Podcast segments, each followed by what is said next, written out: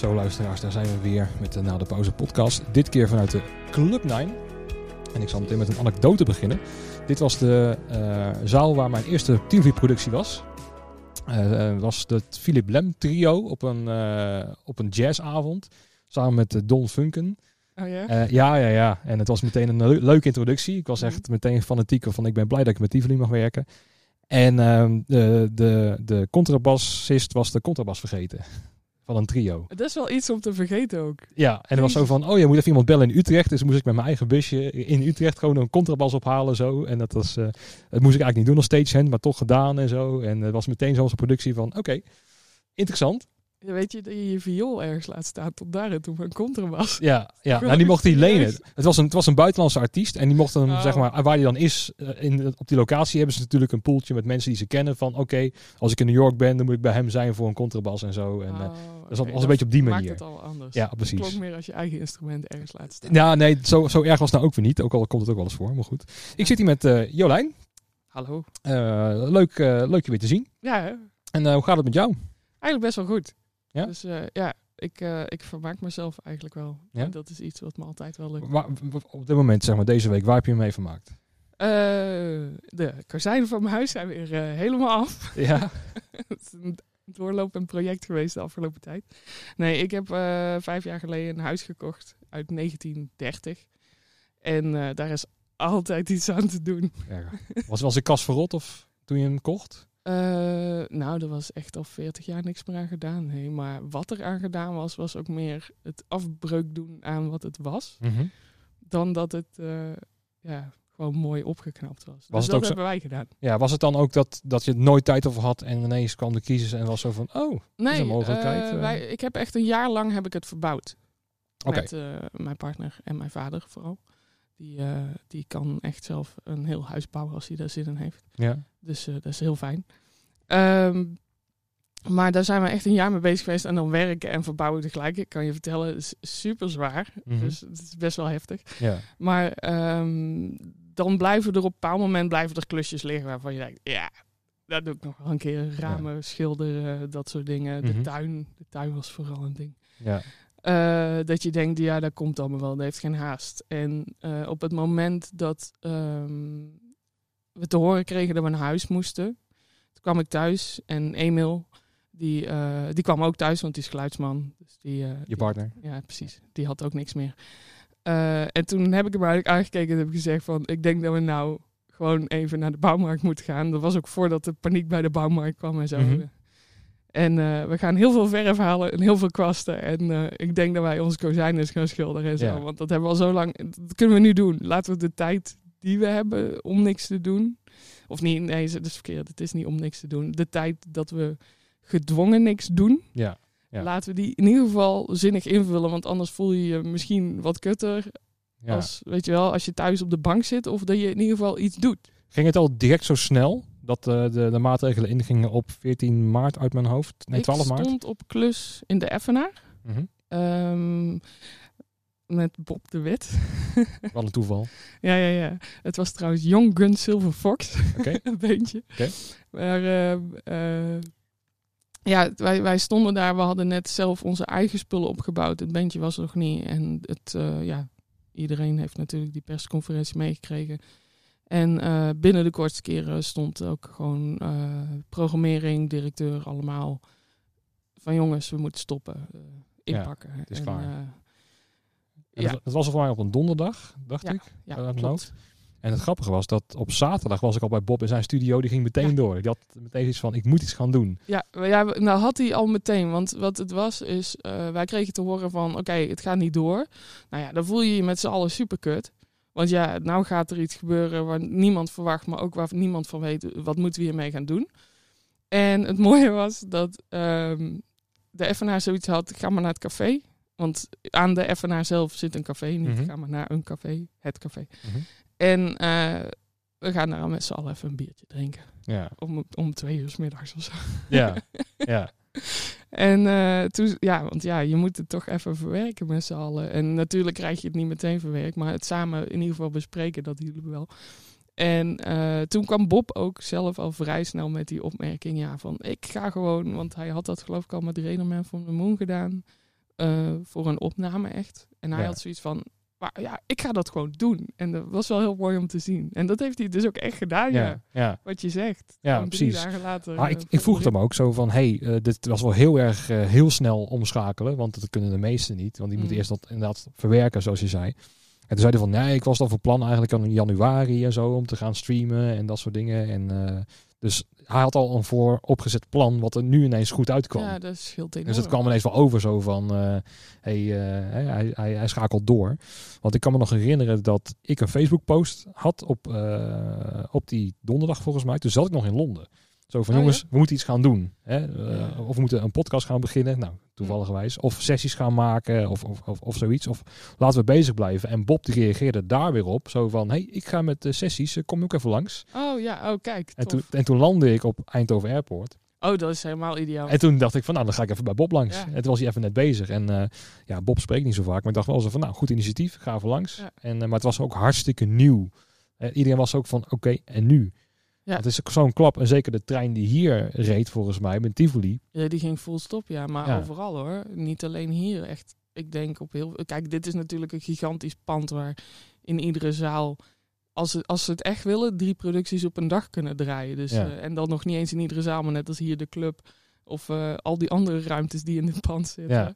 Het is altijd het grapje wat gemaakt wordt. Als er ergens een podiumpje gebouwd wordt, dan programmeren ze er wel iets. Ja, ja. Dus eh, ja, Nee, maar zeker hier, omdat bijvoorbeeld als je een Paradiso of 013 hebt of zo, dan, of de, de Effenaar, dan heb je vaak één, maximaal twee artiesten staan. En die moet je dan op dat moment afzeggen en dan heb je nog wel een week erachteraan om Nou, dingen is te doen. Maar, helemaal waar wat je zegt. Want de FNA bijvoorbeeld, 013 doet dat volgens mij ook. Maar die eh, boeken ook in eh, kroegjes, in eh, het klokgebouw, de FNA dan. ja, ja. In volgens mij het stroomhuis.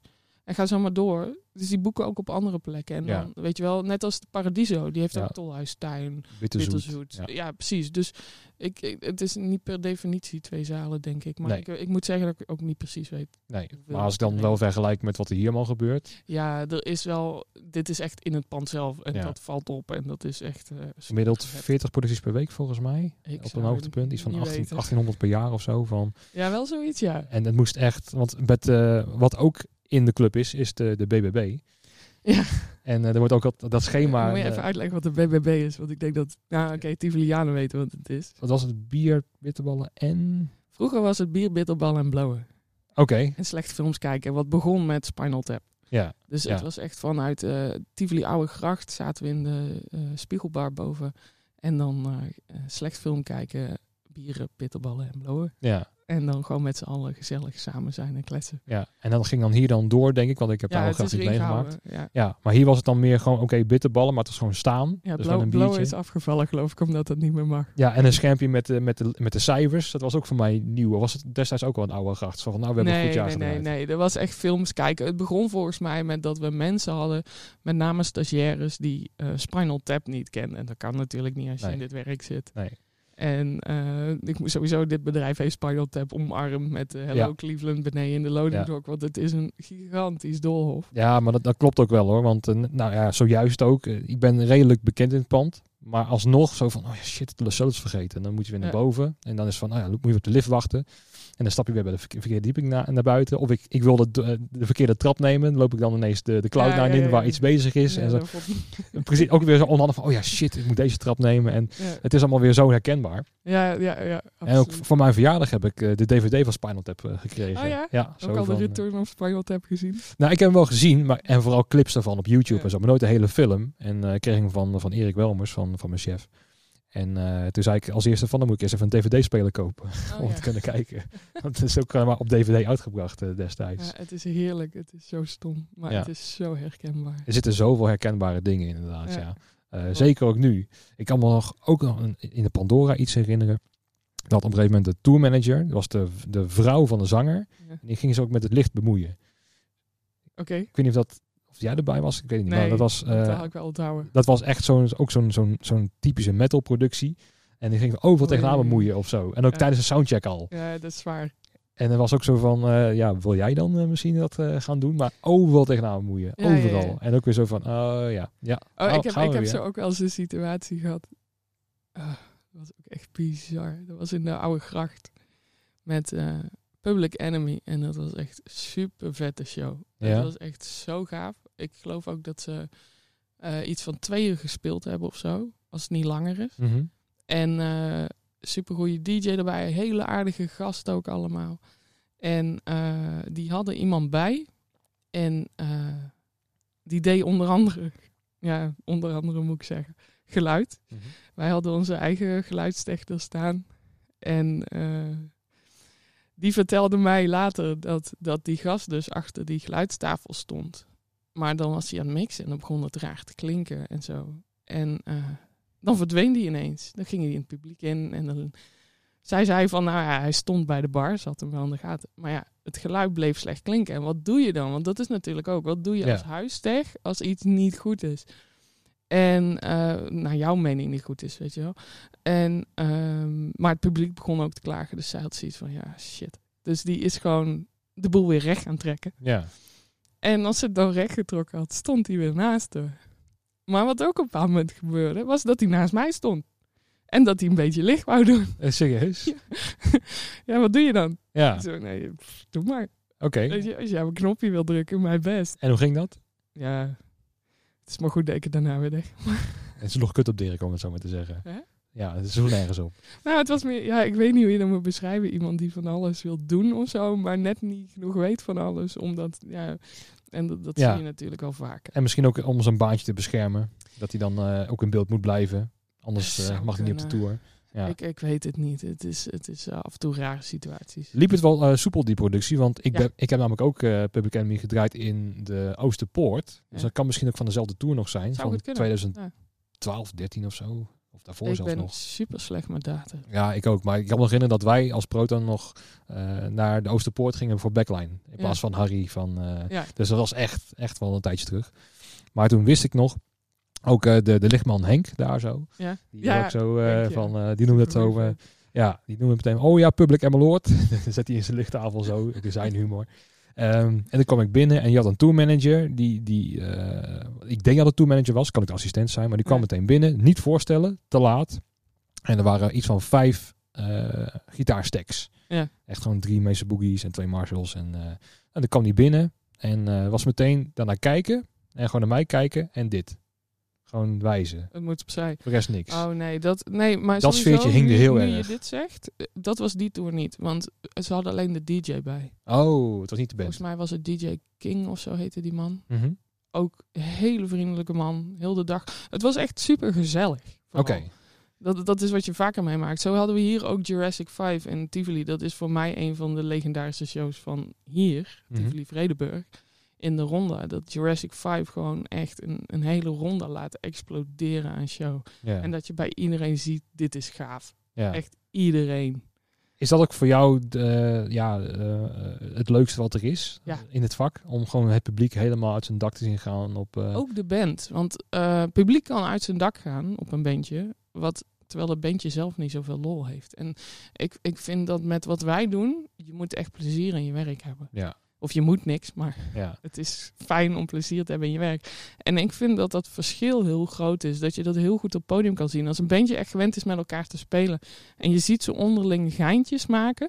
Dan merk je ook, ah, ze zijn, weet je wel, ze zijn aan het geinen. Ze zitten goed in hun vel. De show gaat lekker. Ja. En dan, dan is het ook echt, weet je wel, dan heb je ook echt een te gekke show meestal. Heb je dan ook dat als een bandje een beetje chagrijnig binnenkomt, dat je dan als zijnde van het huis ook probeert de sfeer weer er goed in te krijgen? Nee, dat ga, nee joh. Want je weet niet waarom ze chagrijnig zijn. Kijk, als het is omdat ze slecht geslapen hebben, omdat de tourbus over keien gereden heeft. Of omdat het is dat ze onderling ruzie hebben, dat weet je niet. En dat, Nee. dat kun je niet recht trekken. Het enige wat je kunt doen is gewoon...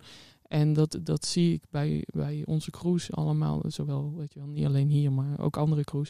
Van iedereen doet altijd zijn keiharde best om dat stukje wat die persoon doet, eh, goed te doen. Ja. En voor elkaar te hebben en eh, te hebben staan. Zodat als een eh, crew en een band binnenkomt, dat ze gewoon in, ja, hoe noem je dat, in een warm bad? Ja. Ja, ja, precies dat. En, en op die manier kan het misschien zijn dat mensen zoiets hebben, oh, relax, oh, ik hoef me vandaag niet druk te maken en dat ze ontspannen. Ja. Dat kan ook. Ja. Maar als jij niet weet waarom mensen op dat moment chagrijnig zijn of wat dan ook, dan, dan kun je daar echt niks aan doen. Nee, je gaat ook niet vragen zo Nee, van, oh, wat is er met zijn hand. Maar Nee, bijvoorbeeld bij, als een, als een, eh, een lichttechnicus binnenkomt van de band zelf en Ja. jij hebt een goede dag en hij heeft een chagrijnige dag, hij of zij. Ehm, dat je dan wel denkt van, oké, ik laat diegene. En dat hij dan wel ontspant en dat hij na twee, drie uur toch wel een beetje uit zijn schulp kruipt of Ja, zijn excuus nou, aanbiedt. dat, nou, dat heb je wel vaker. En soms geven ze het ook zelf meteen aan. En het andere dingetje wat je natuurlijk ook hebt, is dat, dat ja, iedereen heeft wel zijn pestbui. Ja. Maar je moet gewoon heel bewust zijn, die pestbui heeft niks met mij te maken. Nee. Het enige wanneer het met mij te maken gaat hebben, is als jij je pestbui los gaat laten op mij. Maar Ja. dan heb je echt een hele verkeerde aan mij. En het is ook wel dat ik dan denk van, oké, je kan een pestbui hebben, maar als je bijvoorbeeld toevallig stage manager van die dag bent, is het niet handig.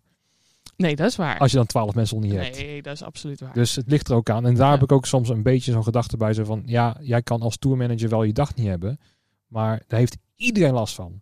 dat, is, dat klopt. Zeg maar. Je hebt ook een soort van verantwoordelijkheid daarvoor. Kijk, als stagehand, dan is het makkelijker van, nou ja, dan, dan eh, ga ik met jou even die, die praktisch sjouwen. Daar heb ik geen zin in. Ja. Maar hè, als, als, als een tourmanager op te blaffen of zo, of als een stage manager kan knijten en reinig is, ja, dan heb je daar toch wel iets meer last van hoor. Ja, dat, nee, dat snap ik ook wel. Maar ehm, ik moet zeggen, ik heb daar nooit zo'n last van. Maar dat is misschien ook omdat ik fysiek van het podium af zit. Ja, je hebt niet zo heel veel ermee te maken. Ja. Want dat is natuurlijk heel anders inderdaad. Want eh, ook met bijvoorbeeld Erik de Wild, eh, die zei ook zo van, ja, weet je, eh, bijvoorbeeld met Muddy of zo heb ik Ja. eigenlijk niks te maken. Dat is gewoon, ik zit daar en ik doe mijn ding. En Nou, het andere dingetje is ook bijvoorbeeld, net als Muddy en vele andere stages. Kijk, ik, ik werk bijvoorbeeld Pinkpop de tent. Ja. En da- daar staat Muddy ook. Ja.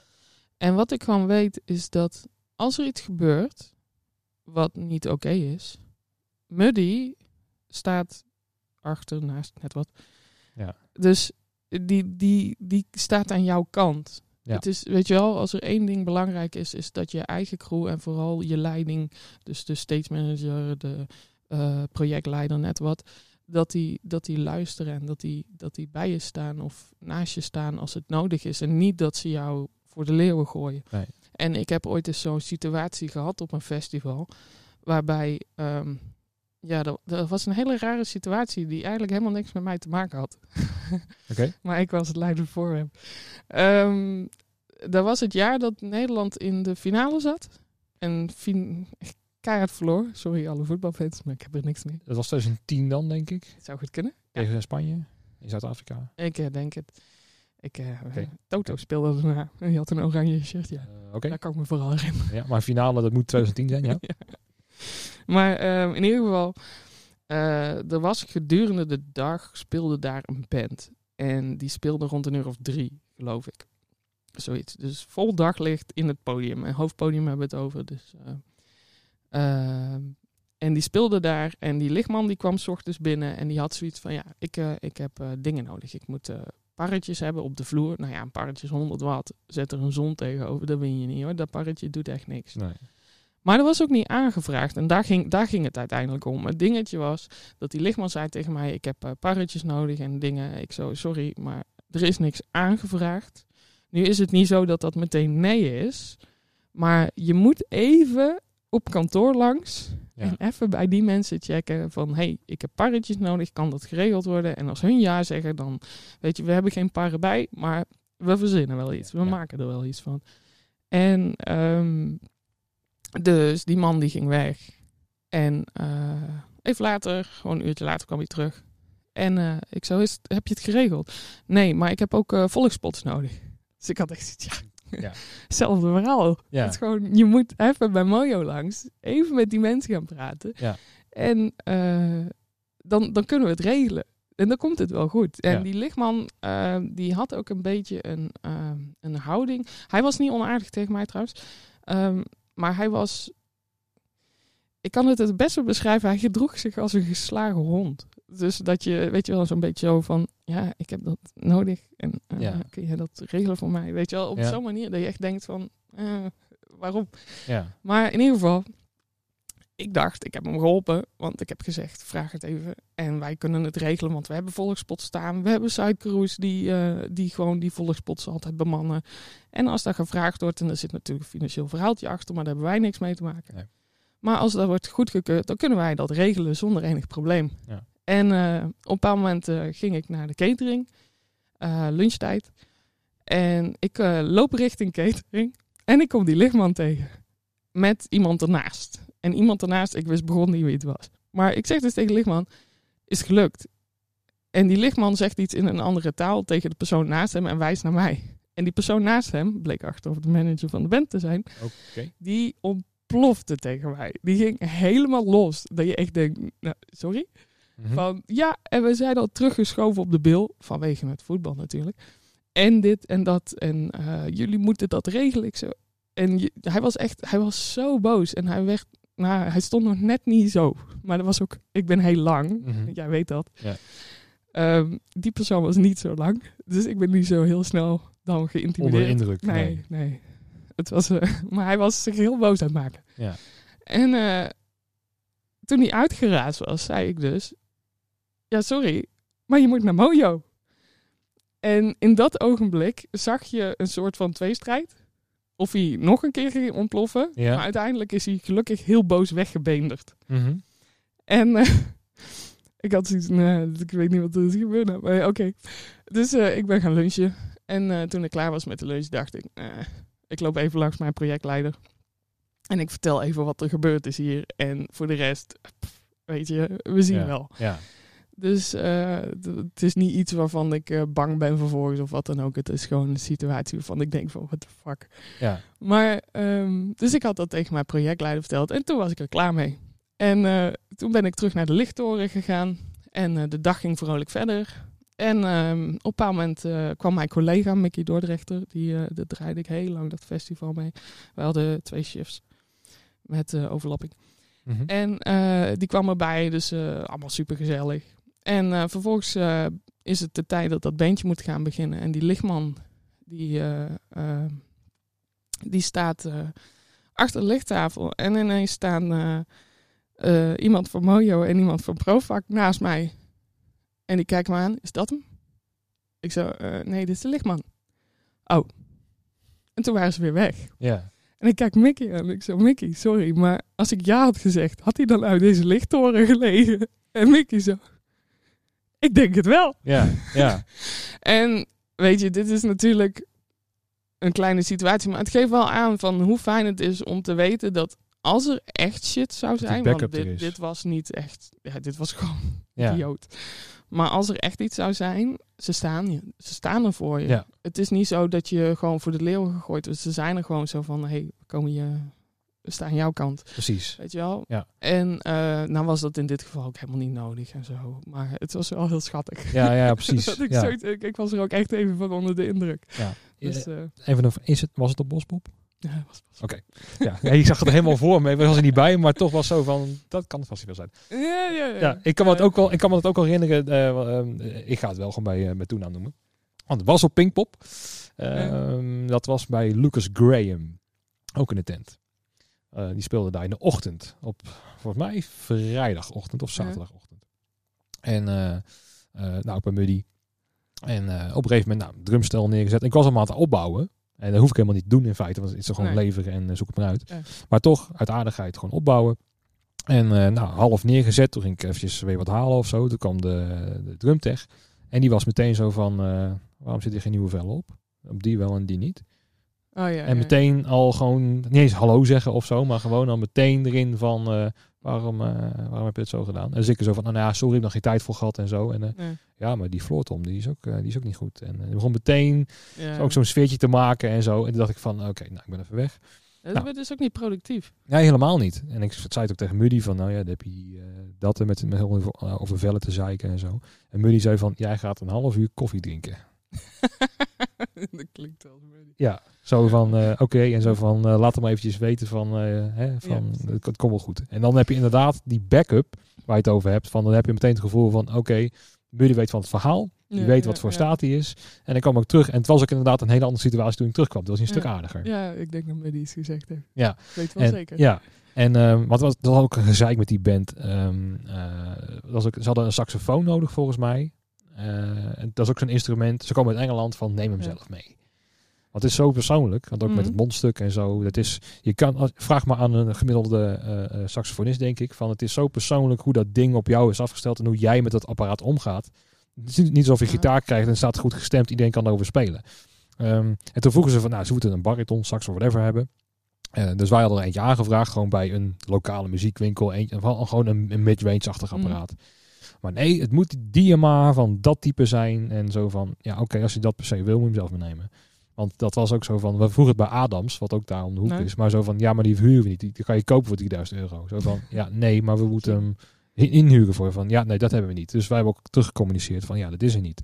Nou, en dan zelf boos, weet je wel. eh, zo van, nou, die saxofoon is belangrijk voor de show. En dan hebben ze het maar zelf geregeld.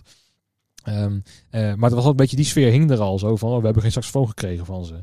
En dus kwam het met drumstel binnen van, ja, ook nog een keertje vellen terwijl op de rijden staat dat er een nieuw vel op moeten. Maar ja, als jij de opening bent op een, in een tent stage, ja, sorry. Kijk, stel dat jij eh, headliner bent op, eh, op, eh, of een van de grotere bands, bijvoorbeeld op Lowlands of zo, dan gaan natuurlijk gaan er nieuwe vellen op. Maar het is ook zo van, ja, het is ook inschatten van, hè, bijvoorbeeld als een bandje op de Lima staat op Lowlands en die vragen om eh 1200 euro aan backline, zo van, dat is leuk en aardig, maar dan heb je gewoon geen gage.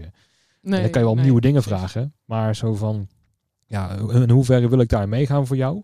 En wil jij zo'n fietsenwinkel aan, aan een backline hebben en je staat op de Lima, weet je waar je speelt? Hè? En het is ook heel vaak dat ze dan een grote, grote muil hebben of zo. Ook weer dat mannetje misschien ook wat tegenover jou stond, te klein. Dus dan moeten ze gaan tegencompenseren met een grote bek. Misschien is dat ook een klein beetje. Nou, de... zou kunnen. Ja, ja. ja het, zou kunnen. Ja, zo zie ik het dan. Hè? Van, nou ja, eh, het, het zou wel kunnen. Kijk, ik ben gewoon lang, ik, weet, ik ken die emotie niet. nee. Oké. Dus, eh, ik, Maar- ik, ik schijn heel snel intimiderend te zijn. Dus, Nou ja, je bent ook niet zo snel onder de indruk, merk ik. Ook op festivals zo van, hey, hoe ga je? Het is ook al redelijk rechtlijnig. Zo van, dit kan ik wel doen. kan- Ja, en ja, ja. jou over de zijk krijgen, dat gaat niet zo heel makkelijk, denk ik. ik denk als je het goede knopje hebt, dat heel Ja, tuurlijk. Maar die heb ik nog niet gezien bij jou. Is dat wel een keer gebeurd dan op een Oh, festival ja. of zo? Nou, dat, nee, eh, niet op festivals. of op een losse productie? Ja, ik ben wel eens uit mijn slof geschoten. Oh ja. Ja, absoluut. Maar er was, eh, dat, we- weet je waar heel vaak het probleem zit? Onkunde. En de mensen die schreeuwen en eh, eh, problemen maken, heel vaak zit daar een onkunde bij. die voortkomt uit slechte voorbereiding. En dat kan de voorbereiding van die persoon zelf zijn. Ja. Dat je gewoon, eh, weet je wel, als jij je voorbereiding niet goed doet en jij komt binnen en er is niet wat jij wil en je gaat lopen schreeuwen en stampij te maken om dat toch te krijgen. Ja, sorry, maar dat is toch echt je eigen fout dat jij die informatie Ja. niet goed doorgegeven hebt. Want weet je, ehm, in Nederland, daar moeten we wel even heel bewust van zijn, vind ik. Ehm, in Nederland hebben we het fucking goed voor elkaar. 100%. Ik Ja. toer veel en ehm, eh, heb veel getoerd ook door Europa. En ehm, ik hoorde jou ook in een paar gesprekken voorheen dingen zeggen dat ik dacht, nee, ben ik niet mee eens. Zoals- Vertel. zo, nou ja, zoals die eigen spullen, weet je wel. Dat, dat stukje van, ja, het klopt. Ehm, 24 trailers om een productie neer te knallen op een festival. Ja, dat is een beetje, dat is, daar ben ik het mee eens. Maar Mhm. er is een nuance. Ja. En het dingetje is dat ehm, ik doe shows. Laatste tijd zit ik heel veel in Portugal, Engeland, Ierland. Ehm, er is niet veel. En als het er is, is de vraag of het werkt. Mhm. En als het werkt, is het de vraag of jij het aan de praat krijgt via de lichttafel. En of Ja. andere dingen. Er is geen lichttechneut. Want die hebben ze eruit bezuinigd, want de promotor vond het niet belangrijk. Dus eh hey, succes hè. Ja. En dan snap ik wel dat jij in ieder geval je eigen vloerset meeneemt. En je eigen lichttafel van...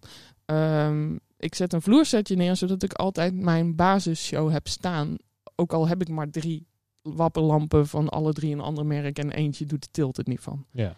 Weet je wel, dan, Ja. dan kan ik in ieder geval een goede basis neerzetten. En dat is waarom bandjes in ieder geval zoveel spullen af en toe meenemen. En Ja. ik- dat begrijp ik ook. Dat is de nuance tussen de 24 trailers. En Zeker. Gewoon, dus Ik, ik, begrijp, het ook wel. Ja, Eh, want dat, dat, dat, daar heb je ook echt wel gelijk in.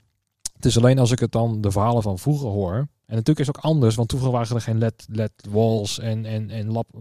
En je had gewoon een dak vol met, met parren. En, eh, ja, je had hè, de Queen. Show. Want dat, is- dat is ook een dingetje. Ehm, lichttafels tegenwoordig. Ik hoorde jou bij Erik een opmerking daarover maken. Ehm, met eh, betrekking tot lichttafels. Van ja, waarom gebruik ik niet gewoon die lichttafel? Het is een vergelijking van een Mac, een Windows, een Linux en een Fisher-Price. mhm. En eh, succes. Als jij de ene. ken jij alle drie de protocollen goed uit je hoofd? Of eh, het zijn nog meer. Het zijn nog veel meer lichttafels. Er is Mhm. één lichttafel die, eh, in mijn opinie, Hij geeft mij heel sterk het gevoel van alsof ik met AutoCAD aan het werken ben of eh, Photoshop. Want Ja. je hebt zo'n schermpje en daar staan dan die lampen in, in icoontjes in en die klik je aan. En dan moet je hier een schermpje openen en daar een schermpje openen en daar een schermpje openen. Er zijn allemaal van die kleine schermpjes, dus weet je wel, Photoshop. Dat, Ja. dat is zo niet mijn stijl. Nee. Ik kan ook die tafel, ik kan er wel mee werken, want ik heb het op een bepaald moment moeten leren omdat ik voor iemand invul. En Mhm. ehm, die had die tafel gewoon, dus ja, dan leer je het wel. Ja. Maar ik leer het tot zover als ik hem nodig had. Maar ik merkte wel, deze tafel en ik eh, zijn Nee. niet eh, voor elkaar gemaakt. nee. Dat, dat snap ik ook. Ja, Maar daar zit ook weer een nuance in. Om het toch Ja, weer naar het midden te brengen. nuances, jongen. Precies. Ehm, eh, zo van, ja, je kan niet alles weten. Maar als je Windows en Mac hebt, zo van, die twee basis moet je wel kennen. Kijk, als je inderdaad een onmogelijk apparaat krijgt, oké. Eh, snap ik. Eh, maar ik, als ik dan echt naar vroeger keek, hè, als ik dan ook de verhalen hoor van, als je naar Amerika gaat en what you see is what you get en je doet er mee. Je hebt gewoon één monitorgroep en daar moet de hele band over. Ja, van, ja, ja. het is zo. En dan kan je zeggen van ja, ik had toch geen monitor. meer. Zo van ja, dit ga je krijgen. En ja, het wordt gewoon een kutshow. En die, die, dat, dat element van het wordt een kutshow, dat, dat mag niet meer. Hè, het moet Nou, allemaal. Het, ma- het mag best. Weet je, ehm, ik had vorig jaar. En, en dat is gewoon ook het- hoe mensen zelf erin staan, heeft er ook heel veel mee te maken. Ik had vorig jaar, eh, waren we met, eh, ja, ik doe dus met Kevin James, waren we op een festival in Ierland. En het stormde. En het stormde dusdanig hard dat eh, dingen omvielen op het podium, et cetera, et cetera. Het publiek was er nog niet. Het was op een, hoe heet dat? Een vliegtuigbasis ding. ja, En ehm, dus er is ook nergens een boom om iets van wind tegen te houden. Het was echt, het was niet normaal. een kale vlakte. ja, er is een kist dichtgevallen op mijn hand. Ik heb drie weken een blauwe hand gehad. Van dat soort dingen. Mhm. dus, en dat was gewoon puur wind. Maar ehm, eh, wij mochten niet optreden. En we waren de headliner en eh, er zouden echt duizenden mensen komen. En wat er vervolgens gebeurde, en dat is dat stukje, dat rock en roll stukje, is dat eh, mensen zijn gaan bellen, als in onze crew, eh, ons management, Kevin zelf, en gaan kijken, oké, we zitten hier, ja. wat kunnen we? En uiteindelijk zijn we in een klein kroegje beland. Want in Ierland hebben we bijna alle kroegjes podia. Dat is natuurlijk wel heel fijn. Ja. En ehm, we zijn daar in een kroegje beland waar eh, ik geloof maximaal 100 mensen in konden. En eh, gewoon zo van, oké, weet je, we gaan een soort van guerrilla show doen. Dus ik had letterlijk drie lampen die werkten. En de rest kon ik alleen in een kleur vastzetten. Ja. Meer kon niet. Nee. De geluidsman had zo'n situatie. Die deed monitors vanuit de front. Of ja, front. Vanuit het huis schu- schuivenbakje. Mhm. En de PA. En eh, ook daarvan deden dingen het gewoon echt niet. Maar we zijn naar binnen gerend. We hebben een drumstel neergegooid. Er stond buiten een gigantische rij mensen. Want het was natuurlijk de eerste honderd. Ja. Maar eh, we hebben de spullen neergegooid. We hebben de show gedraaid. Ehm, omdat het op deze manier ging, werd het ook echt hilarisch. Want we kregen van iedereen... Wij stonden met lichttafel en geluidstafel in een hoekje. We kregen van iedereen drank. Weet je, die Irish handcuffs? Ja. Ja, in, in het kwadraat. Dus Ja, gelukkig was- hadden we een randje om alles neer te zetten. Maar dat stond op een bepaald moment helemaal vol met drank. Weet je. Ja. Het is gewoon, het was zo leuk en het was zo back to basic dat iedereen er super enthousiast van werd. Maar dat wil je niet iedere dag doen. Nee. Nee, dat, dat, Dat, klopt. is het dingetje. Ja, nee, en dan is ook leuk omdat het totaal anders is. En ja, Ja. als één lamp stuk gaat, één van de drie. Nou ja, fuck it. dan doe ik wel iets met die andere. Ja, dat is precies. gewoon kijken waar ik eruit kan trekken. En ik kom natuurlijk uit een hoek waar eh, wij heel veel geleerd hebben met oké, eh, wees creatief. Eh, ik kom uit de vrijwilligerswereld. Ik heb geen opleiding gehad. Ehm, ik ben bij eh 013 eh, echt licht gaan doen. In het Noorderlicht was ik al stagehand, maar bij 013 ben ik echt licht gaan doen. En daar werd je gewoon ook creatief uitgedaagd. Zo van, oké, weet je, Ja. maak er eens wat van. Ja, precies. Nou, ja, wat ik dan vooral op podia nu meemaak, is dat dan de onzekerheid van een technicus om de hoek komt kijken. Van ik kan het alleen maar op deze Digico SD11. En als er een. Geluid, hè, dat weet ik niet. Oké, nou ja. Eh, je hebt een, Nee, joh, doe eh, je hebt een, eh, een, een Grand MA, zomaar. En er staat een Pearl. ja. Hè, ehm, eh, het, dat, maar ik kan het alleen maar op dat en met die versie. Want dan kan ik mijn show inladen en, en, en dat, ja, de andere kan ik niet programmeren. Dat gaat me niet lukken. Of Ja. zitten achter een, een, een, analoge tafel, op, op audiogebied Ja, dan. het, Ja. En zo van, ja, maar dat kan ik niet. Heb ik mijn standen niet. Zo van, ja, dan komt zeg maar... Ik denk als je echt, dat heb ik ook met, met, met muzikanten, eh, geef een goede gitarist gewoon een gitaar. En hij haalt zijn sound eruit. Of het de verkeerde versterker is, verkeerde gitaar. Hij heeft zijn sound eh, daarin zitten. En natuurlijk is het prettig als je je, je, je echte basis hebt en dat, dat, het, dat het vertrouwd is. Mhm. Maar ehm, ik denk dat, dat je echte creativiteit, creativiteit naar boven komt. Hè, achter ook een, een mengtafel. Zo van, ja, maar dan ga je weer mixen. En nu is het zo van, nee, je gaat een show programmeren en dan doe je op cue en dan gaat naar de volgende.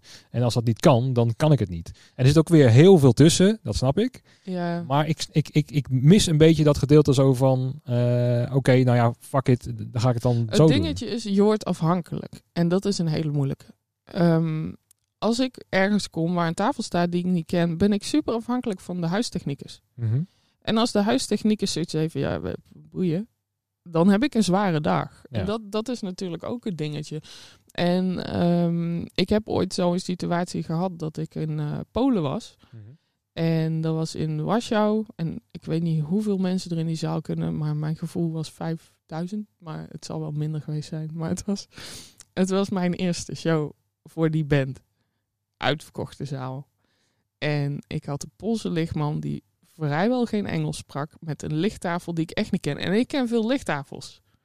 Want dat was waar ik namelijk ooit mee begonnen ben. Zo van, ik wil operaten, ik wil die Ja. shows draaien, ik wil die shows ontwerpen en knipperen. Eh, ik moet tafels kennen, want als ik zelf geen tafel heb, dan moet ik er gewoon kennen. Dus Ja. ik ken best wel wat tafels, Ja. maar die tafel kende ik niet. Nee. En ehm, die was, omdat die man dus niet Engels sprak, was de instelling op die tafel ook Oké. Wat het nog harder maakt. Ja. Ja. En eh, ik was super afhankelijk van hem. Dus als ik dingen deed, eh, dan, dan... Hij moest continu naast mij staan. Ook tijdens de show.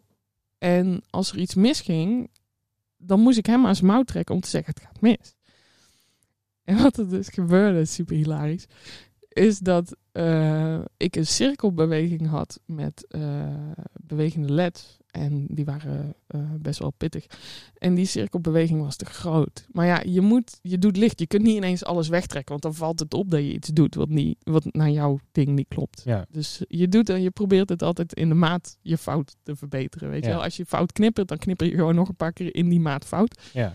Dan leek het alsof het moest. Mhm. Echt alles is gewoon bluff hoor, bij licht. Maar ehm, wat hier dus gebeurde, was dat die cirkelbeweging was echt heel groot. En die ging ook het publiek in. En hij was niet heel snel, maar gewoon, het was te veel. Ja. Het was voor dat nummer te veel. Dus ik dacht ook echt van, ah shit. Oké, even afwachten, afwachten, afwachten, uittrekken. Want ik kon niet tegen de lichtman zeggen, hoe krijg ik hem anders? Nee. Want dat, op dat moment werkte het niet. Dus ik had hem uit en ik dacht, oh gelukkig. Het was het nummer voorbij. Sorry. Eh, dit blijft me echt herinneren. Tot het einde der tijden. Ehm, het was met Faya con Dios. Super gave band om mee te toren. Het was echt heel leuk. Jammer dat ze niet meer spelen. Maar Danny, de zangeres, die pakt dus daarna dat nummer de microfoon en zegt tegen die volle zaal: Hebben jullie last van het licht? Oké. Heb je ooit een volle zaal ja horen roepen? dus ik was echt, ik was zo de zak. Ja. En ik dacht echt, oh kut, ik ben ontslagen. Dit is mijn eerste dag en dit gaat, dit gaat helemaal mis. Mhm. En eh, de geluidsman, omdat het was ook een hele brede zaal, dus het gaf een beetje dat arena gevoel. En Ja. die zat echt tien meter verderop. Die lag onder zijn tafel van het lachen. Want die zag mijn blik. Ja. Zo van kut, ja. Nou, dat was beyond kut. Dat was echt zo, oh mijn god. Dat is gewoon totale... Nou ja, anyways. Ja. Maar ehm, ja, dus Want menen ze het ook op het podium? Danny, ja, Ja. die meende wel zo van, hebben jullie last van het licht? Oké. Dus ehm, het dingetje was namelijk, de show was afgelopen en ik, ik moest dus naar de kleedkamer echt met lood in mijn schoenen. Zo van, oh shit, ik ga zo op mijn flikker krijgen en eh, dit is het, ik kan naar huis. Ja. En eh, ik kom die kleedkamer en eh, het is ook echt, het is ook echt zo'n plaatje. Het is, Danny zat met haar gezicht naar de spiegel en dat was ook zo'n spiegel met van die lampjes, weet je wel. Dus Ja, dat was echt ja. super klassiek. En die kijkt in de spiegel en die ziet mij binnenkomen en die draait om en die zegt, ja sorry hè, maar ik zag mensen allemaal met hun ogen knijpen en ik dacht, ik geef je een hint. Ja. En dat was het. Maar Ja. voor mij was het echt totale, Ja, ja, ja, afgang. echt afgang. Ja. ja. Maar ik heb nog jaren met die band getoerd. Super leuke ja, mensen. maar ook daarin zie je dan zo van, oké, voor jou is het dan misschien zo van, oké, daar gaat het. En, dit, hè, dit, eh, maar terwijl in realiteit valt het allemaal wel weer mee dan. Ja, maar je bent natuurlijk hyperfocust. Zeker. Dus, Nee, dat, dat snap ik ook. Maar bijvoorbeeld, ik kan ook een quote, ik zal de naam niet noemen, die hem genoemd had. Het is, maakt niet uit hoor, maar Nee, ik ja. wil hem toch eh, niet... eh, goed, die zei ook van, hij was in een, een show in, in België met wat vrienden. En op een gegeven moment, nou, hartstikke mooi. En tijdens het nummer totale blackout. Alles viel weg. 100%, je zag niks meer. ik ken het. Ik ken het verhaal, of niet? Nee, ik ken het gevoel. Ik heb het ook eens gedaan. Nou, totale blackout. En op een gegeven moment, eh, nou, nummer afgelopen en daarna deed je het weer. En hij zei dus zo tegen zijn vrienden zo van, Jezus, wat een, wat een fuck-up, hè? Wat, dat kan toch niet? En, eh, en die vrienden, die, Oh ja, die hadden niet door. totaal niet zo van, wat was er aan de hand dan? Ja, ja, ja. Totaal niks in de gaten. En weet je, terwijl degene die dan er verstand van heeft, zo van, dit, dit kan niet. En er wordt ontslag voor de lichtman en zo. Terwijl, Ja, dat is beroepsdeformatie. ja, precies. En het pu- publiek is zo van, ja, eh, licht, is er een lichtman dan? Ja, weet je, dat is een beetje het dingetje. Met, met, vooral met licht. Kijk, men, duizend mensen hebben mening over geluid. Dus eh, de geluidstechnici kunnen duizenden verhalen ook blijven vertellen over de broer van de oom van de drummer die de zanger niet goed kan horen. Of zo. Ja, Weet ja. je wel? Dat, dat soort verhalen heb je altijd. Maar licht heeft twee standen. Namelijk, of niemand heeft het door, of mensen hebben het door. Maar als ze het door hebben, dan is het meestal omdat ze het niet goed vinden. En de andere 40% is omdat ze het heel goed vinden. Maar alles daartussenin, daar krijg je niks over te horen. Nee, al de middle ground Ja, daarin. die wordt niet eh, aangetikt. Want het is niet zo belangrijk. Weet je, als een bandje met TL's aanspeelt, dan accepteert heel veel publiek het misschien ook wel. En ehm, het heeft natuurlijk, het heeft absoluut een extra dimensie. En heel vaak complimenten die ik krijg, hebben te maken met je versterkt de muziek. Ja, En dat is natuurlijk het hele doel van licht, in mijn opinie. Dat Ja. je juist wat hun daar op het podium aan het doen zijn, dat je dat weet te versterken. ja. Ja. En ehm, niet zozeer versterken met duizend lampen aanzetten, maar versterken met eh, de emotie aan te tikken. Ja. Want je kunt, dat kun je gewoon. Dat, Ja. dat is ook het gave aan licht doen. Dat Ja. je, weet je, eh, Gavin heeft één nummer, eh 22, en dat gaat over eh, gepest worden toen hij nog op school zat en zo.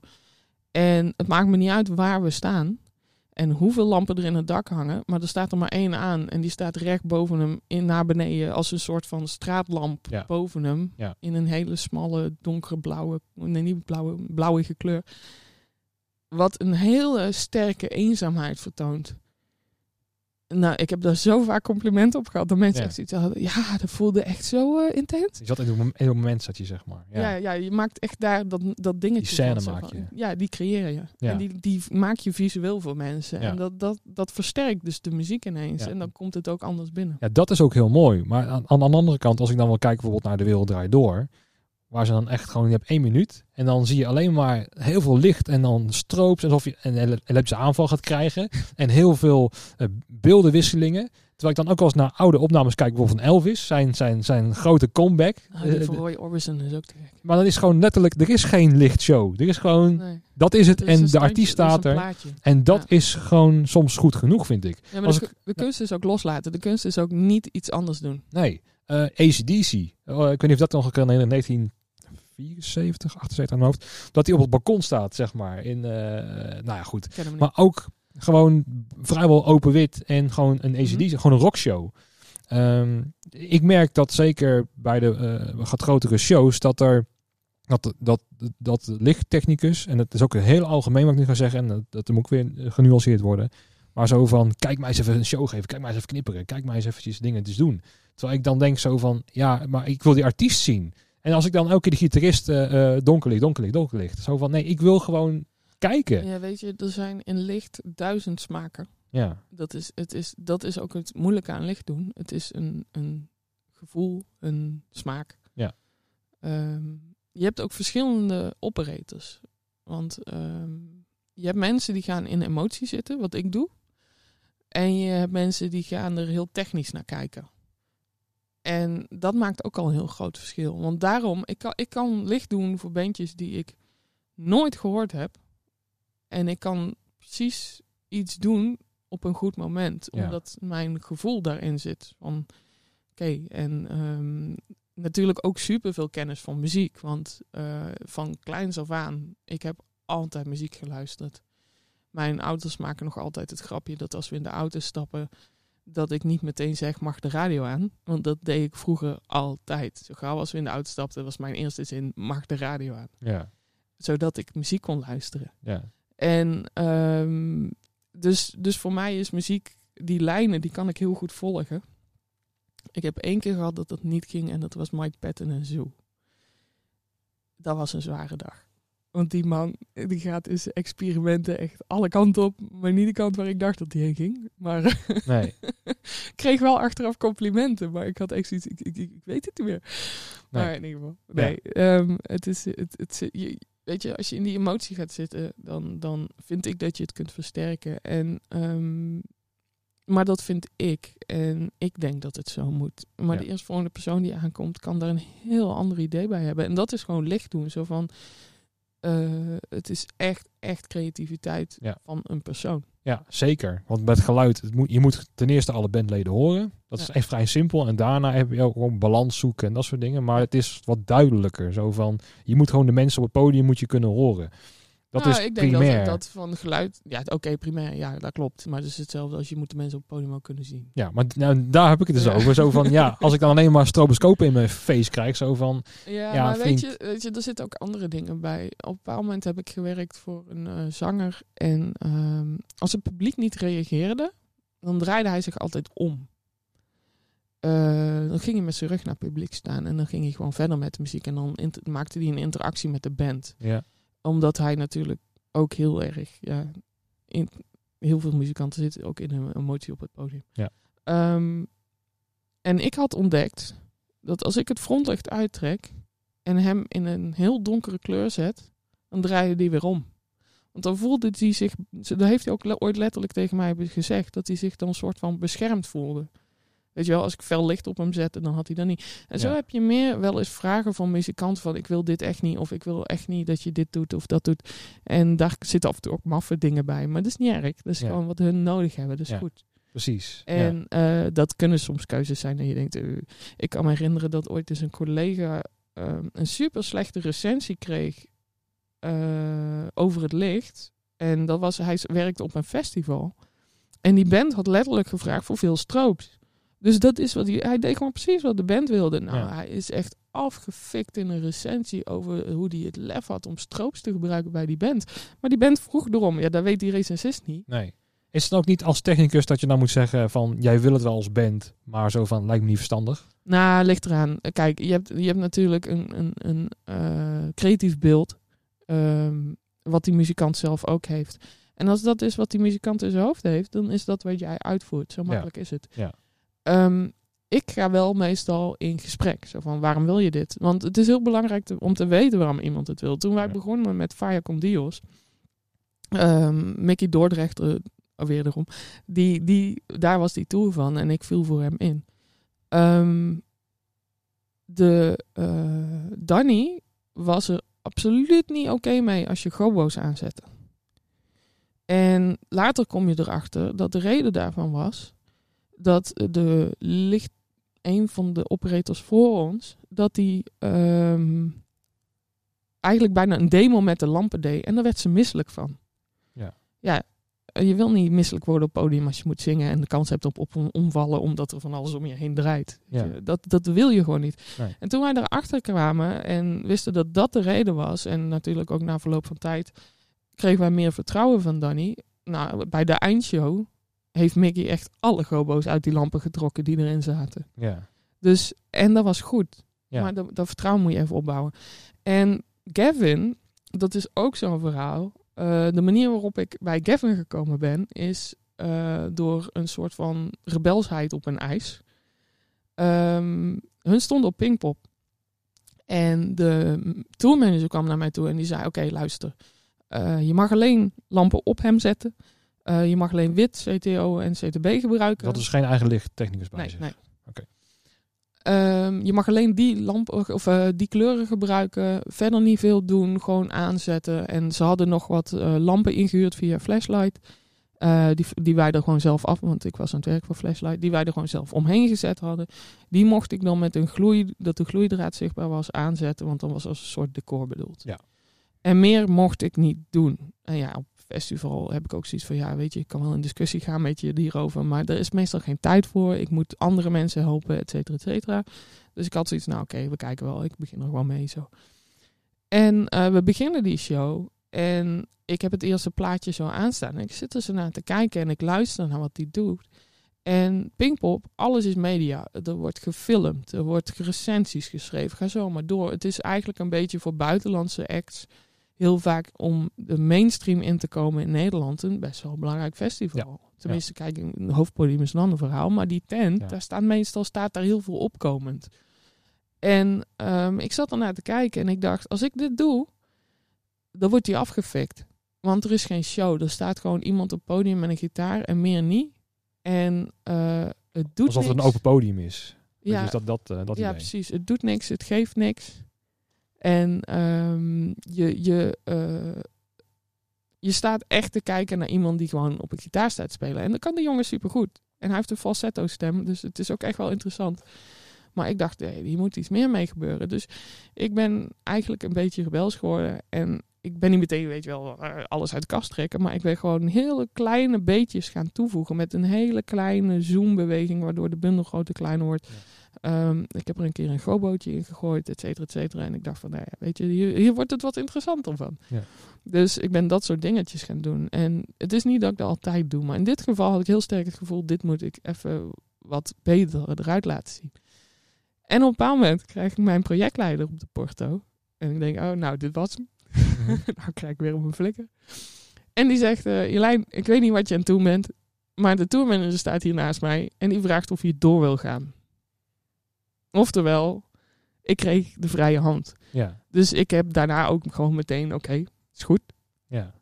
Veders naar voren, weet je wel. Ja. Kom maar. Ja. En um, achteraf kwamen de manager, de tourmanager en Kevin zelf naar me toe. En ze waren super blij en super gelukkig dat ik dit gedaan had. En uh, ja, te gek. En uh, nou ja, ik had zoiets, ja, tof. Ja. Toen moest ik ook weer verder, want het festival dus door. Ja. En um, later ben ik ze vaker tegengekomen. En op een bepaald moment zijn ze mij dus gaan vragen of ik hier in Nederland meer shows zou doen. En van het een kwam het ander. Ja. En toen waren we op een bepaald moment waren we op tour, zaten we in een tourbus. En toen vroeg ik aan die tourmanager een keer, waarom mocht ik eigenlijk niks doen? Wat, wat was dat eigenlijk? Want we hadden het erover, iemand vroeg, hoe, hoe ben jij hier eigenlijk bijgekomen? En toen kwam dit verhaal dus naar voren. En toen had ik zoiets, waarom mocht dit eigenlijk niet? Toen vertelde die tourmanager dus dat ze een paar dagen ervoor ergens gestaan hadden... waarbij de lichtman zeer ongoed geïnteresseerd was. Um, de tourmanager zei dat hij koptelefoon op had, maar andere muziek. Ik weet het niet, ik was er niet bij. Maar, hè? Ja. En dat die uh, persoon aan het stroben, aan het knipperen en alles was... wat niet bij de muziek hoorde die Gavin maakt. En dat ze naar Pinkpop gingen. En juist omdat het een promotie is en het belangrijk is om Nederland binnen te komen, dat ze doodsbang waren dat dit weer zou gebeuren. Laat dit even rustig zijn, alsjeblieft. Ja, dat ze mij dusdanig beperkt hadden om te voorkomen dat er weer zo'n situatie zou ontstaan. Ja. Het is wederom vertrouwen. Ja, precies. Maar um, ik snap dat wel. Ik hoor zo vaak spookverhalen over wat lichttechnici voor ons uitgespookt hebben, waardoor wij niks mogen, weet je wel. Ja. Uh, geen rook, want iemand heeft ooit dus de rookmachines drie uur lang aan laten staan. Ja, dat snap ik. Ja. Dat, dat wil ik ook niet. Nee. Maar, weet je... Of naast het drummer, dat hij dan op een gegeven moment echt in de mist zit. Zo van, jongens, nou ja, ik kan niet eens meer zien. Van dat soort dingen. Er zijn zoveel kleine dingen waar jij geen controle op hebt, die, die een reden kunnen zijn geweest voor mensen om te zeggen, dit willen we niet. Nee. En als jij niet weet wat die redenen zijn, dan, dan is het ook. Dus het is ook heel belangrijk om in gesprek te gaan. Dus als een Ja. band binnenkomt die zegt wij willen dit, dat je in gesprek gaat en dat je zegt, hé, hey, ehm, Ja. misschien is het eh, Nou, en ook dit een goed idee. vanuit muzikanten opzicht bekijken. eh, ik, weet, ik ben er zelf niet echt een hoor. Maar ik kan er wel een soort van voelen wat een muzikant eh, zou willen. En met, ook met muziek, je moet ook een soort van zone komen. Van je zit Mhm. echt een lekkere flow. Je bent met elkaar lekker muziek aan het maken. En dat kan je naar een hoger level ja. brengen. En als je daar probeert in te komen, dat heeft ook met je geluid te maken. Dat je net eventjes Ja. wel die goede hi-hat op net die 4K, Ja. weet ik veel. Dat je die wel even goed door de mix hoort komen. Want dan, dan heb je, eh, snap je? Dat is ook met licht ook zo. Dus als op een gegeven moment gewoon een, ja, een lompe boer gewoon alleen maar st- eh, stroops en, en, en zo van, wat de fuck man. Ik kan eens naar, mijn, naar, mijn, naar de bassist kijken. Zeg maar, dan ga je, ben je totaal uit die flow. Dan ben je afgeleid van waar je mee bezig bent. Ja. Je moet Maar echt alles, eh, geluid en licht en ook video moet de show versterken. En ehm, ik hoop dat gewoon heel veel technici niet hun eigen ego gaan eh, verrijken. Zo van, kijk maar eens eventjes. eh, want ik heb ook een keertje bij, ook op Pinkpop, misschien was je er ook al bij. Ik was toen bezoeker, dus dat is echt, eh, echt wel een tijdje terug. Dat was een, god, moet ik wel op die naam komen van die band. Ehm, was een Deense band. Ja, er zijn er zoveel. Ja, met de Day After Tomorrow, dat nummer. Eh Sebia. Sebia, ja. Is dat Deens? Of is het Ja, dat is Deens. Ja. Sebia. Ik dacht, eh, echt een, echt een goede band. Daar ga ik naar kijken. Dat was in 2007? uit mijn hoofd. Zou goed Ja. Goed, ik was daar als bezoeker. Toen was ik nog niet, niet, niet eens in het vak bezig. Moet je nagaan. Maar toen was ik daar van, oh, dat is mooie muziek. Dat is, hè, eh, eh, dat moet niet blazen. Maar ik werd gewoon de tent uitgeblazen op Pinkpop. Zo, want het stond zo hard, dat ik dacht van, hier wil ik die gewoon niet naar luisteren. nou over de lichtman beginnen. Nee, nee, nee. Een goede lichtman. Nee, nee, nee. Nee, het was echt geluid. Dat ik op een gegeven moment echt gewoon eh, op de rand van de tent stond. Ik vond hem toen al te hard staan. Dat ik gewoon niet naar de band ging kijken terwijl ik er zin in had. Maar zo van, ja, ik ga niet met dat, eh, eh, met, dat, dat, mijn- dat mijn gehoor eraan gaat gewoon. Daar heb ik geen zin in. En de hele beleving was het. Dat was zo plat was het gewoon. Ja, Dat vind ik zo zonde. Ik ben het met je eens. Maar het is uiteindelijk weer smaken verschillen. En niet alleen smaken verschillen. Wat heb je geleerd? En hoe heb je het geleerd? Ja, Weet je wel, als jij les hebt gehad met geluidtechnisch dan bijvoorbeeld iemand die heel schel mixt, is de kans heel groot dat jij ook heel schel mixt. Als jij les hebt gehad van iemand in licht die jou gewoon meer techno heeft geleerd dan singer-songwriting of iets anders. Kijk, ik vind gewoon dat je alles moet begrijpen en Ja. in dat opzicht moet kunnen uitlichten naar wat dat staat en niet in één stijl. Nee. Maar ehm, als, jij, als jij op een bepaalde manier iets geleerd hebt en nooit iets anders geleerd hebt, dan doe je dat ook niet anders. En dan doe je het zo met de gedachte dat dit klopt. Dus in dat opzicht is het een hele moeilijke discussie. ja en je doet het ook nooit goed. Als je iedereen tevreden wil stellen, dan gaat het gewoon niet. Nou, ik weet niet. Ik denk wel, ik denk wel dat je het goed kan doen hoor. Ik denk, maar het is meer zo van, het blijft uiteindelijk heel vaak smaak. Ja. En dat maakt het moeilijk. Ja. En over smaak valt niet te twisten. Precies. Eh. Ja. Dus eh, Deze, deze bedoel je. ja, hey. Eindelijk, ik kan ook een keer heel ruiken. oh, hey. Ja. Ik ga je de laatste vraag stellen. Het zit alweer een uurtje, zit erop. Ja. Joh, Ja. snel. En dan weet je al misschien de vraag, of niet? Yes. Ja. Wat, Wat ik zou, jij niet eh, wat zou jij niet missen eh, samen met corona als het weer voorbij is? Ehm, ja. Ik, heb- ik heb, ik heb, eh, door, ik heb met de podcast die ik geluisterd heb, kwamen af en toe dingen naar voren dat ik dacht, oh, dit ga ik niet missen, maar dat ben ik allemaal weer vergeten. Dus eh Ja. weer niks aan. Nee, ik denk eh, het dingetje waar ik het eh, eh, meest niet ga missen is eh, eh, de ontwetendheid van mensen. En dan niet zozeer in ons beroep, maar buiten ons beroep met wat wij doen. En zo van, ja, maar weet je, dat bandje komt binnen. En jullie komen binnen en een uur later gaat de zaal open. En dan, eh, ik heb zo vaak dat mensen zoiets hebben, wat doe je eigenlijk? En dan ga je dat uitleggen. En dan zeg je, ik kom om 12 uur eh, s smiddags hier al binnen. En dan gaan we beginnen. En dan zie je mensen echt zo, wat ga je dan doen? Weet je wel, Ja. natuurlijk, ik snap ook wel. eh, Ik hoef ook niet super zichtbaar te zijn. En Nee. ik hoef ook geen schouderklopjes te hebben voordat ik zo lang werk of zo. Dat, dat vind ik niet belangrijk. Maar meer de bewustwording van andere mensen van... hey, die mensen hier die werken keihard om te zorgen dat dit zo staat... en dat dit eh, kan doen wat het doet. Ja. Dan, ja, weet je, dan, ik denk dat dat ook een verschil maakt in, in wat wij nu hebben met dat, dat wij zo onzichtbaar zijn voor de regering. Ja. Eh, dat stukje. Ja, Dat- ook het dat stukje- heeft daar ook mee te maken. Zeker. En ook van cultuursector. Alsof we alleen maar dansgezelschappen en eh, cabaretiers en dat soort dingen ondersteunen hier. Maar het is juist gewoon eh, alles wat er omheen zit. Echt, ook de hele politiek die weet niet wat er allemaal achter zit. Ja. Ook niet, niet economisch, maar ook niet aan werkgelegenheid en zo. Als je dus een gemiddelde band hebt in de ronda. Nou, niet eens zozeer de politiek, ook gewoon mensen. Ehm, wat ik van vrienden te horen krijg is van... eh, goh, wij kennen eigenlijk niemand behalve jullie twee die thuis zitten. Want wij hebben, doordat we dit werk doen zoals we het doen... Je wordt een kleine familie. Eh, je bent een soort van rare vriendengroep ben je geworden. Ja. En ehm, niet met iedereen natuurlijk, maar ik bedoel, sommige collega's klik je heel goed Ja, mee. vrienden slash collega's ja, zijn het precies, altijd. door- ja. door-.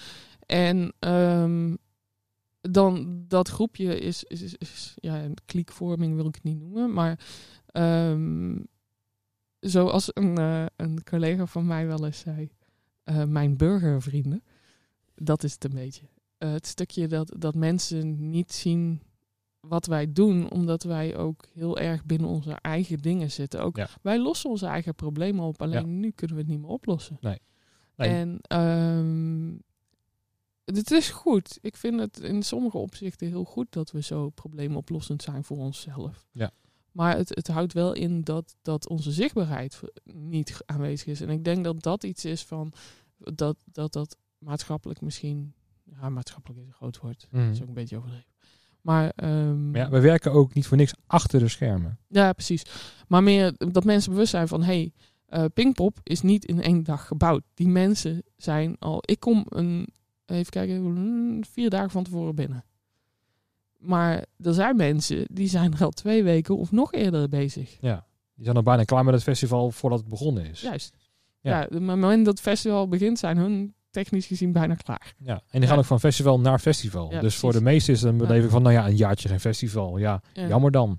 En ook in, in- bij heel veel van onze collega's is het voor mij ook in de familie zo van, oh, verdien je er geld mee? Dat zei Ilja bijvoorbeeld ook zo van, Ja, verdien, ja, jij- ja. verdien jij er geld mee? Zo van- Dat heb ik gelukkig nooit gehad. Nee, maar ook zo'n verbazing. Ook als ik uitleg zo van, nou, wat, doe je, je doet toch gewoon iets van geluid, René? Of li- licht en geluid doe jij toch? Zo van, alle twee niet. Ik, ik doe eh, muziekinstrumenten. Nee, maar zelfs als ik zeg van... hey, eh, als iemand vraagt wat doe jij? Ik zeg, nou, ik ben lichtontwerper. Een lichtontwerper. Dus je hebt lampen voor op de tafel of zo. En nee. Dat is toch wat anders. Ja, ja gewoon totaal niet begrijpen. Ja. Nou, nee, niet zozeer niet begrijpen als gewoon het niet kennen. Nee. Dat is het. Dus een Ja, groot verschil ja, tussen ja, ja. begrijpen en kennen. Ja, ja. Dus, en- Ontwetendheid. ja, misschien dan. Ja. Maar dat, dat het gewoon wat, wat zichtbaarder wordt. En ik, Ja. er zijn genoeg eh, initiatieven nu waardoor dat wel gebeurt. Dus dat is goed. Dat Ja. is ook een goede ontwikkeling, denk ik. Die deels veroorzaakt is door de corona. Ja. Maar ehm, Ja, Dat- dus oké. Nou ja, top. Ehm, ik ben het er wel mee eens. Dat, eh, dat wij ook gewoon, ja, wat, wat meer eh, aandacht. Vandaar ook dat ik, ook deze podcast is gewoon voor mij ook zo van, ja, moet ik dan op de voorgrond komen? Is het dan mijn, mijn show? Ehm, zo van, ik ben niet belangrijk. Het gaat niet om mij. Maar eh, ik Maar moet me wel. toch zo van, nou, ik moet wel een soort op de, op de voorgrond treden om, om dit neer te zetten. Maar mijn Hm. ego zei zo van, ben jij nou zo belangrijk met je podcast? Weet je, omdat wij heel erg eh, ja, vooral achter de schermen willen werken en juist de artiest het werken willen laten doen en wij willen dat ondersteunen. Dat zit in ons karakter. Maar nu kom je ook achter ervan, mensen moeten echt voor zichzelf gaan opkomen. Want anders ja, weet je, verdwijn je echt ja. in de vergetelheid. Ja, wel. Ja, dat, dat misschien. Ja. Voor mij is jouw podcast vooral gewoon leuk om te luisteren. En er komen heel veel herinneringen boven. Ja, dat was de hele bedoeling ervan. Ja, want ik hoor mensen weer die ik al een tijd niet meer... Want ja, net als bijvoorbeeld eh Jules is er echt eentje. Die zie ik met de festivals. En ehm, die zie ik dus niet dit jaar. Nee. Nee. En eh, misschien ergens anders nog, dat weet je nooit. Maar in ieder geval niet op de festivals. En dan hoor je hem wel. En dan hoor je hem verhaal vertellen. En denk je, oh ja, oh ja, Ja. dat was toen. Oh ja, dat deden we. Oh ja. En, Oud, en vertrouwd. ja, precies. En dat had ik met heel veel anderen ook. Dat je denkt van, oh ja, ja, dat was toen ja. Ja, dat was mooi. En dat, dat is gewoon heel leuk. Ja, Dat- en het gaat met deze ook gebeuren hoor, geloof mij. Jij gaat ook berichtjes krijgen zo van, oh ja, ja, ja, Welke klopt. band was dat nou? Ja, precies, ja. Ja, ik ga hem afsluiten. Ja, Eh, leuk dat, eh, dat je de tijd hebt vrijgemaakt voor, eh, voor deze opname. En, nou, voor de luisteraars, nogmaals dank voor het luisteren en tot de volgende, tot en na de pauze.